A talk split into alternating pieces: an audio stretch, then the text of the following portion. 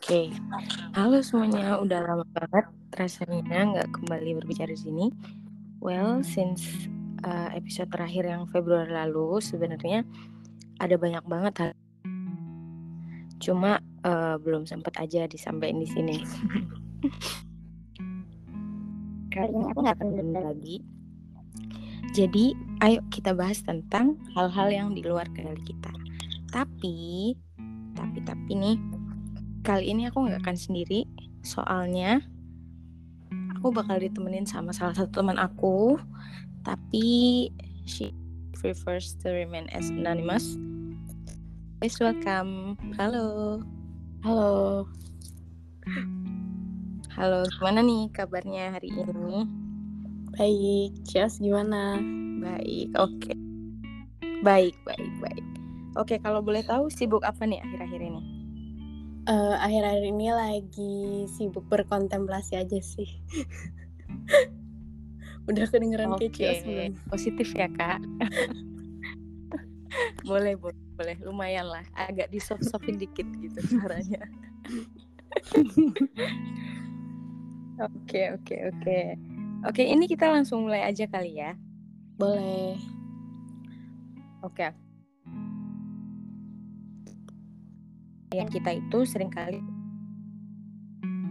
berbagai hal yang menjengkelkan seperti kejadian yang tak ter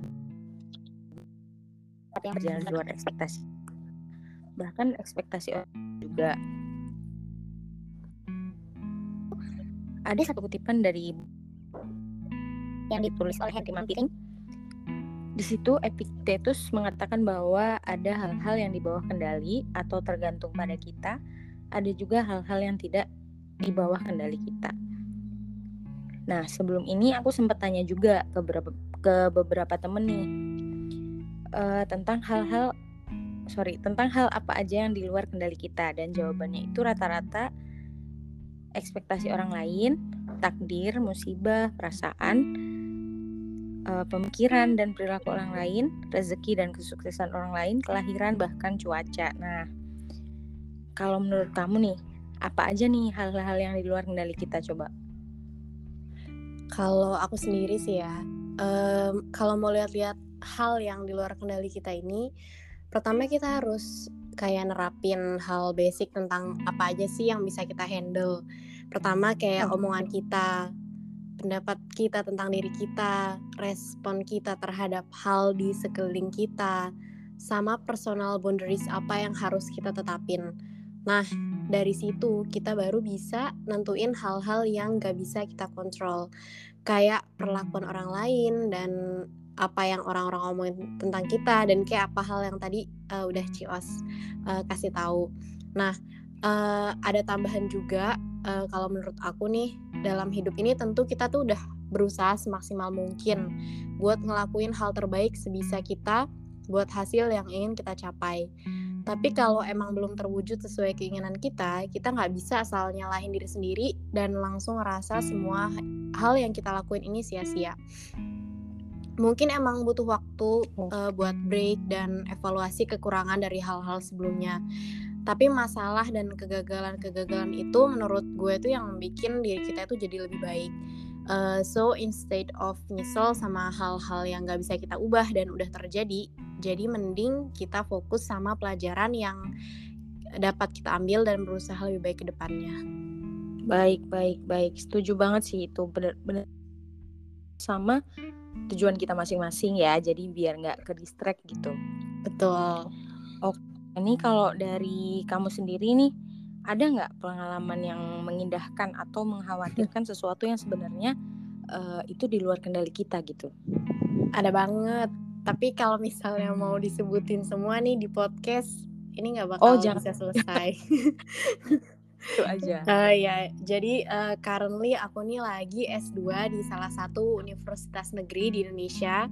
Dan kondisi aku ini adalah fresh graduate yang pengalaman kerjanya itu bisa dibilang kayak cuma setahun dan di tempat aku S1 dulu. Sebenarnya nggak ada yang perlu disesali uh, karena aku juga dapat banyak pelajaran gitu dari uh, di tempat S2 aku sekarang. Tapi aku ngerasa sekarang nih uh, aku berada di tempat yang maksa aku buat grow karena jujur aja sekelilingku ini ibaratnya udah berpuluh-puluh langkah lebih maju dari aku dari segi karir atau pengetahuan. Iya, nah, iya. mm, pasti tuh kayak timbul pikiran, aduh kenapa gue gak kerja dulu? Terus kayak, iya, iya benar, hmm, ya kan, teman-teman di sekeliling kita ini udah punya pengalaman gitu yang lebih di dunia kerja. Terus mereka bisa ngebring up pengalaman mereka tersebut pas lagi discuss di kelas tuh kayak, ya Allah ternyata gue bener-bener cuma debu di antara batu kali gitu. Kayak bener-bener cuma sekecil itu. okay, logiknya bagus ya. Nah awal-awal masuk S2 nih jujur aja sempet agak depresi dan konsultasi ke pihak kayak uh, psikolog tapi mungkin versi kayak karirnya itu. Dan aku tuh mikir kayak aku tuh pantas gak sih? Atau bisa gak sih ngelanjutin apa yang udah aku pilih ini? Dan aku tuh gak ada apa-apanya dibanding teman-temanku sekarang. Bisa gak sih aku ngelewatin ini? Terus semester kemarin ini uh, aku ada dua semester ya di sini.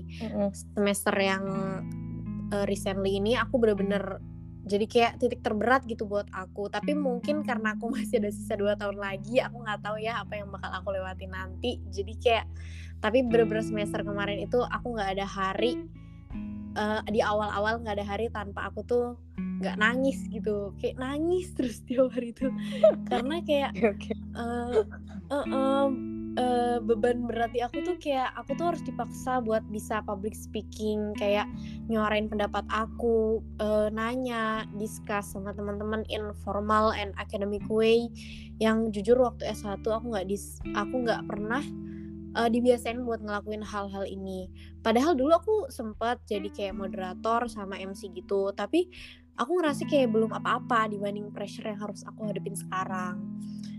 Mm-hmm. Terus kayak uh, waktu mm, berpendapat aku tuh mikir kayak aduh kalau teman-teman gue mikirnya pendapat gue kayak orang gak berpendidikan gimana ya? Kayak kalau misalnya teman-teman gue udah paham tentang materi ini terus gue malah nanya ke teman-teman gue gitu. Terus kayak terganggu gak ya mereka? Kayak bodoh banget sih Bel gini aja nggak ngerti gitu. Eh bodoh banget sih gini aja nggak ngerti.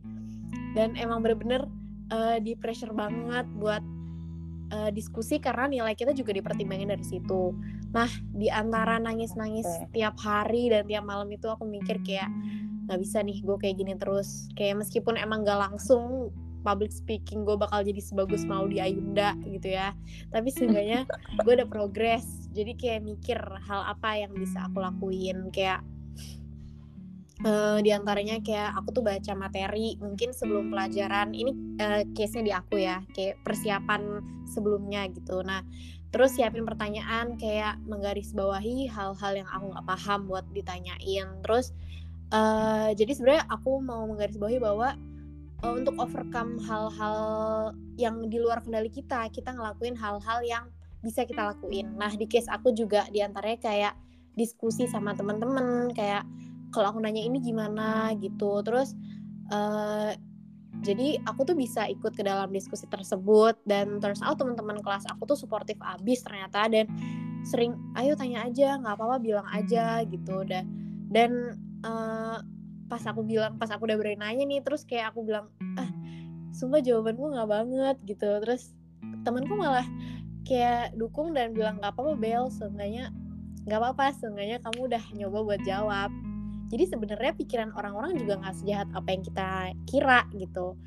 Uh, dan paling penting meskipun kita udah ngelakuin semua persiapan-persiapan maksudnya biar kayak ngerejus uh, overthink kita itu kita uh, tetap harus uh, action ngambil ngambil ngambil apa ya ngambil tindakan tindakan. Tinggal ngambil tindakan. Nah kayak uh, in in my case tuh kayak langsung berani nanya aja di kelas.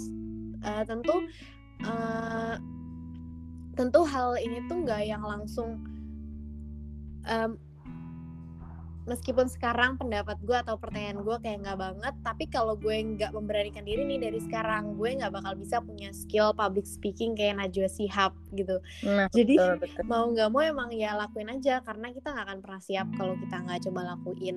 Terus misal kalau ditanya nih apa sekarang public speaking udah bagus? Jawabannya enggak masih jauh dari apa yang diharapkan tapi seenggaknya gue nggak jalan di tempat. Bagus iya benar benar benar kalau itu tadi dari case-nya Bella ya udah ada solvingnya sendiri nih. Nah kira-kira kalau misalkan buat uh, teman-teman yang lain apa aja sih yang setidaknya perlu kita lakuin biar kita nggak terpaku sama hal-hal yang di luar kendali kita? Uh, nah aku uh, ada tiga poin pertama nih yang bisa aku kasih tahu dan udah aku implementasi juga ke diri aku meskipun emang belum benar-benar berhasil 100% tapi aku uh, nyoba buat fokus sama tiga poin ini. Pertama, kita harus nerima dulu hal-hal yang terjadi di hidup kita sekarang. Nggak boleh denial. Kalau kata orang-orang, denial is the river in Egypt. Iya, bener, bener banget. denial itu emang Iya, denial itu adalah sungai di Mesir gitu. Iya, iya. Nah, kita nih udah bisa sadar kalau misalnya kita udah bisa sadar dan menerima kalau hal-hal tersebut di luar kendali kita, ke depannya kita bakal bisa lebih berpikir jernih. Nah, terus kedua uh, fokus sama hal yang bisa dilakuin buat tumbuh. Ini karena aku dari pengalaman pribadi, jadi aku nge-bring up case aku sendiri ya. Iya iya Mungkin bisa nanti teman-teman bisa nyesuaiin sama case masing-masing. Nah uh, daripada uh, aku tuh ngehabisin emosi buat mikir apa yang orang lain bilang. Kalau di kasus gue kayak emang abis S2 bisa apa gitu? Yakin bisa langsung dapat kerja? Apa nggak cuma ngabisin uang orang tua gitu? Wah lumayan bikin exhausted banget. Ya. gue udah capek belajar. uh -uh deal with college stuff. Terus gue harus spare time buat mikirin omongan dan mendapat orang-orang yang gak bikin hidup gue lebih baik. Nah jadi bikin uh, jadi mending energinya ini gue alihin buat belajar skill-skill dan pengetahuan baru Nah, emang pikiran-pikiran negatif itu kadang suka muncul dan uh, bikin kita down lagi di prosesnya. Tapi uh, tentu kita harus coba buat berusaha ngilangin pikiran-pikiran tersebut dan nanti pasti ada waktu di mana kita bisa ngebanggain diri sendiri dan buktiin ke diri kita kalau apa yang orang lain omongin dan pikirin it doesn't matter selama hal yang kita lakuin sesuai sama tujuan hidup kita dan emang itu hal yang kita inginkan. Okay. Terus uh, ketiga, ini poin terakhir sih Ci. Okay, okay. Uh, aku suka banget ngomong ini ke teman-teman aku kalau misalnya mereka lagi down, aku suka bilang kayak cut off hal-hal yang bikin kamu down. Betul. Nah, orang uh, orang-orang sekitar gue nih termasuk lu pasti tahu kalau gue suka banget nge akun Instagram yeah, tiba-tiba. Iya, paham. Karena emang sosial media tempatnya buat orang-orang pamer kebahagiaan ya setuju gak sih Ci? Setuju, setuju banget. Iya kan. Nah, ini nggak salah karena emang purpose sosial media ya itu. Nah, tapi guanya aja yang merasa kadang kecil, insecure ngelihat status orang-orang. Jadi gue memutuskan kalau gue lagi down buat nggak buka SG atau SW orang-orang atau malah off dari sosial media kalau taraf overthinking gue udah mengkhawatirkan dan tiap orang punya sumber insecuritiesnya sendiri yang kalau emang itu malah nge-drag down mending lu cut off sementara dari hidup lu dan berusaha heal sama diri sendiri dulu. Benar benar benar. Bermanfaat hmm gitu. Ya emang cut off nih belakangan ini uh, termasuk kata-kata yang agak uh, populer ya di telinga-telinga Gen Z uh, tapi memang mungkin itu sebenarnya udah dari dulu kayaknya ya Be. Cuma mm -mm. Uh, populer gitu ya baru aja ditemuin termsnya gitu iya kata-katanya oke terus ini nih ada yang bilang juga uh, dalam menghadapi ini ada yang namanya justice and respect Hmm. Bukan berarti seenaknya berbuat kemudian cuek terhadap saran orang lain dengan dalih ya mereka di luar kendali kita gitu. Ini menurut hmm. kamu gimana? Nah ini tuh menurut gue agak tricky sih. Kayak kadang nih kita aja mm, ngerasa orang lain tuh jahat ke kita gitu. Padahal mungkin sebenarnya orang tersebut tuh malah korban dari perilaku kita. Iya gak sih? Iya bener banget, bener nah, banget. Uh, atau yang biasa disebut Gen Z sekarang tuh playing victim, ya nggak? Apa? Yeah ya ya kan banyak banget istilah-istilah yang dibuat si Gen Z Gen Z nah uh, sebagai manusia ini pasti pengennya benar dan susah banget buat ngelakuin kesalahan dan gue yakin mostly dari kita kayak gitu nah tapi tentu kita sebagai manusia yang waras tahu kalau misalnya hal itu merugikan orang lain atau enggak. Misal contoh gue ngambil contoh kayak pengalaman gue lagi nih. Kayak lu udah kerja kan Ci? Iya, iya. Nah, terus lu post nih di sosial media lu tentang kegiatan-kegiatan lu di kerjaan lo gitu. Terus gue terluka Ci. Iya Wah, ada nih yang tipe parah kayak- banget. Nah pamer tentang kegiatan-kegiatannya sementara dia tahu gue belum dapet karir yang gue pengen. Tapi apakah bener kalau gue nyalahin lo gitu? Ya enggak sih. Nah enggak gitu Kayak- lu mana tahu gitu kalau dengan lu posting hal yang menurut lu itu kayak daily activities lu biasa itu tuh nyakitin gue. Iya bener. Nah, tapi yang salah misalnya di sini kalau misalnya menurut gue ya, kalau lu post status yang sama, tapi lu misalnya pakai caption yang nge-drag down orang lain kayak Alhamdulillah gue dapet kerja daripada gue jadi beban orang tua gue cuma nonton film di rumah. Kayak wah menurut gue tuh beda udah beda intention sih. Kenapa lu harus ngebandingin hidup orang lain atas kebahagiaan yang lu dapet? Betul betul. maksud gue ya dan lu nggak harus memperlihatkan kebahagiaan lu dengan nunjukin perbandingan dan merendahkan kondisi orang lain kan kita juga nggak tahu siapa tahu nih Ci temen lu yang lu kira beban hidup itu ternyata udah punya pasif income berupa surat berharga kayak saham atau obligasi yang bisa ngasih dia keuntungan per bulan senilai 5 juta per bulan tanpa dia harus usaha apa-apa Oh.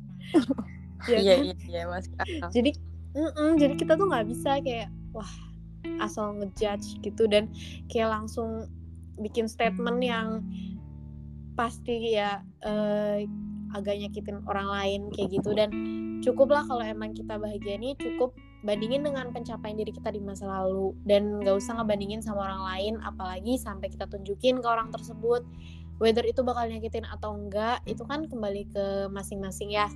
Tapi sebaiknya yang Iya. kita lakuin biar eh, biar ke diri kita juga lebih mentally stable and healthy sih menurut gue Oke oke oke. Bener sih bener. Itu couldn't agree.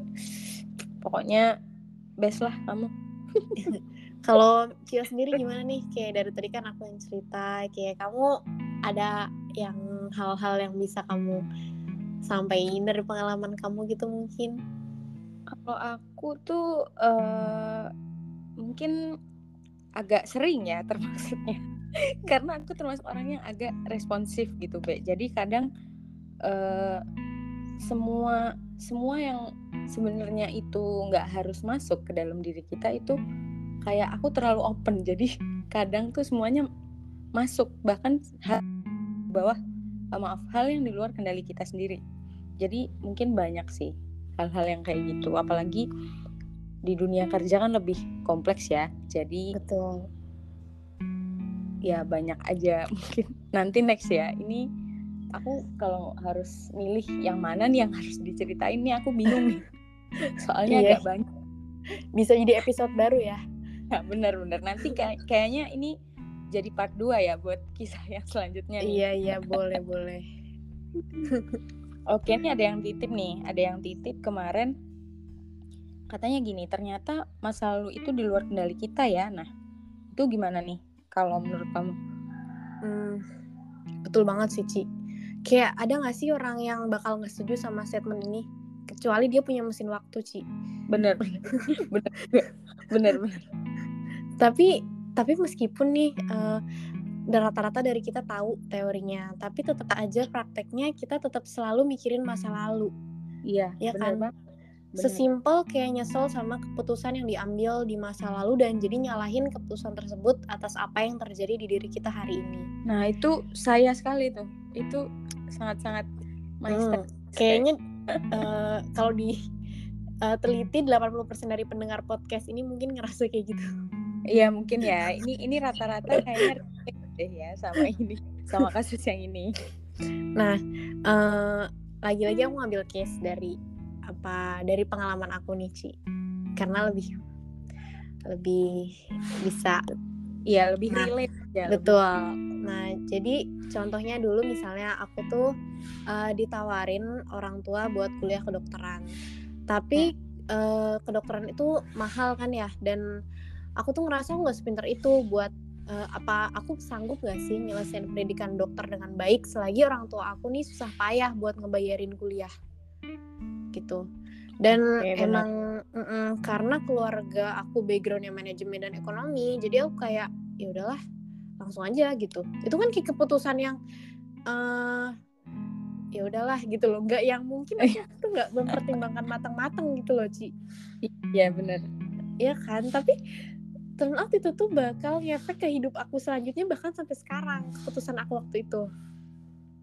Iya iya Nah, iya kayak terus sekarang aku kayak nyesel banget ngeliat teman-teman aku yang jadi dokter kayak buset coba dulu gue usaha gini atau enggak gue nyari beasiswa gitu iya Pasti ada kalimat coba aja gitu nah ya. coba aja kayak ya Coba ampun aja. kenapa dulu gue ah itu dah template tuh ibaratnya kayak template Iya udah Twitter template gitu banget ya semua orang yang terjebak sama masa lalu pasti ada kalimat coba nah aja coba gitu ya. coba uh-uh.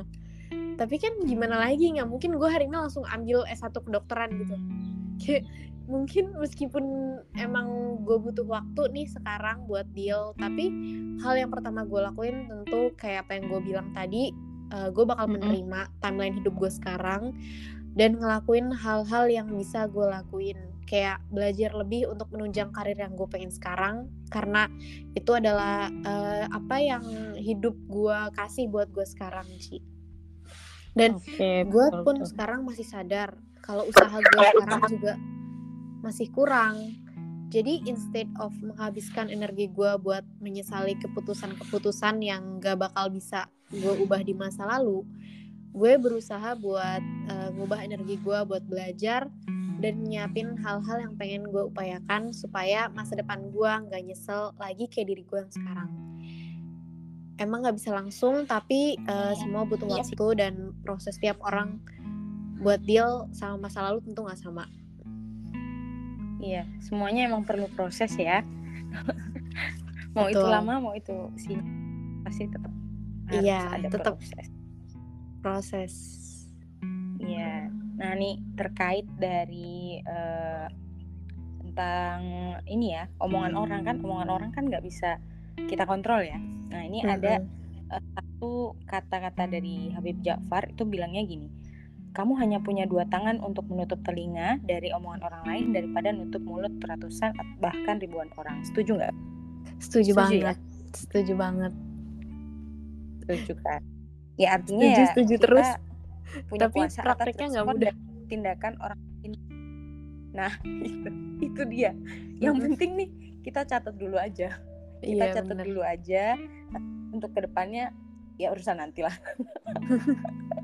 iya iya Iya, karena nggak sedikit perbuatan orang buruk ke kita itu impactnya jadi perilaku buruk kita juga gitu loh. betul Misalkan eh, kita dimaki, membalas memaki gitu. Padahal kita kan bisa memilih buat menerima dan lebih legowo gitu lah Betul istilahnya. banget. Jadi setidaknya kita harusnya eh, responsif bukan reaktif terhadap eh, omongan-omongan orang tersebut. Jadi kalau misalkan omongan tersebut betul ya kita terima dengan baik. Kalau tidak ya tidak usah didengarkan gitu nggak sih?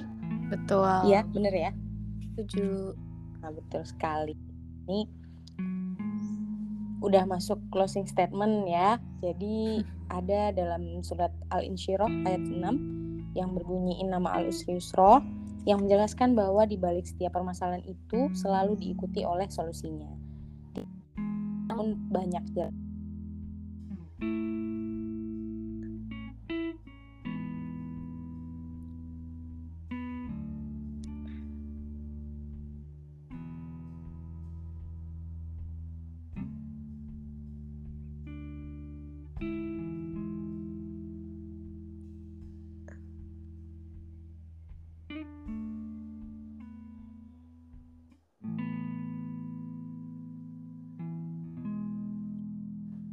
Dua puluh lima menitan nih kita ngobrol, Be.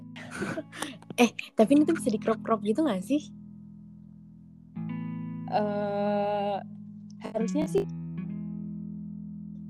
kita soalnya tadi kayak kita masih Terima agak kasih kayak miss buat- miss gitu Iya Ki, lanjut. Iya, enggak kita review lah. Kita review lagi. Kalaupun ini masih dikira kurang, nanti kita lanjut part 2-nya. Sip. ya. Oke, by the way, makasih banyak buat ya ini buat kamu yang sudah menyempatkan waktu podcast episode kali ini. semoga ke depannya kita menjadi pribadi yang lebih baik Amin. ya dan semoga ini membawa uh, buat orang-orang yang dengerin dari podcast ini Betul. oke ya udah gitu aja kalian nanti next kalau misalkan kita mau collab lagi ntar kita kabarin lagi audiensnya, oke? Okay? oke. Okay. Makasih. Assalamualaikum. Makasih juga. Waalaikumsalam, Cios.